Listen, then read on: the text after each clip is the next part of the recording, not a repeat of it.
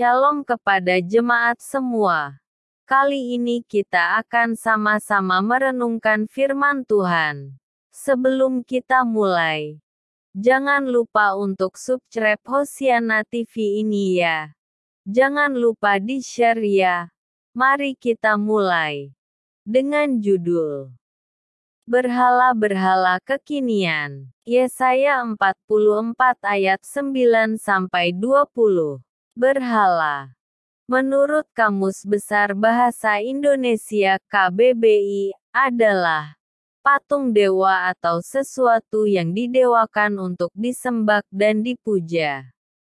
Ini berarti berhala dibuat oleh manusia dan dipuja oleh manusia itu sendiri. Yesaya mencatat bahwa setiap pembuat patung adalah kesia-sian tukang-tukang yang membuat dewa-dewa itu adalah manusia belaka, lemah dan tidak berdaya.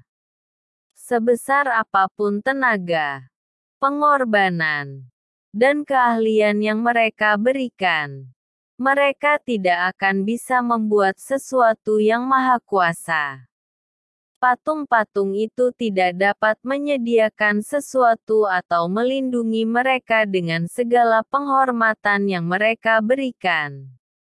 Bukankah suatu kebodohan bila mengharapkan kebaikan dari dewa-dewa yang mereka buat sendiri?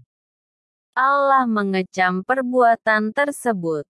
Allah menyatakan bahwa patung-patung itu sama sekali tidak berkuasa dan orang-orang yang menyembahnya adalah orang-orang yang tidak tahu apa-apa.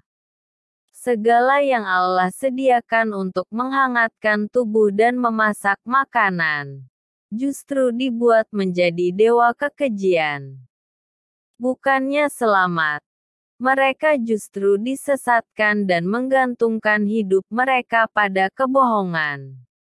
Jika zaman dahulu berhala berupa patung, pada zaman sekarang berhala bisa berupa banyak hal, gadget, makanan, film, atau benda lain dan bentuk kesenangan lainnya. Berhala-berhala kekinian bisa membuat kita melupakan banyak hal, keluarga, teman, bahkan Tuhan. Lebih daripada sekadar hobi. Hal-hal ini dapat mendikte keputusan, pola pikir, dan harapan kita, bahkan menyita fokus hidup kita dari Tuhan. Renungkanlah, berapa lama kita berelasi dengan Tuhan dibanding dengan hal lain. Entah patung, jimat, atau hobi. Yang pasti, segala sesuatu yang kita tempatkan untuk menggantikan Allah hanya menjadi kekejian di hadapannya. Berhati-hatilah. Karena itulah berhala. Mari kita kembali kepada Tuhan.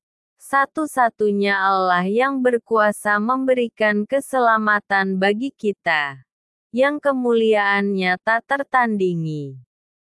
Tuhan yang hidup tak akan tergantikan.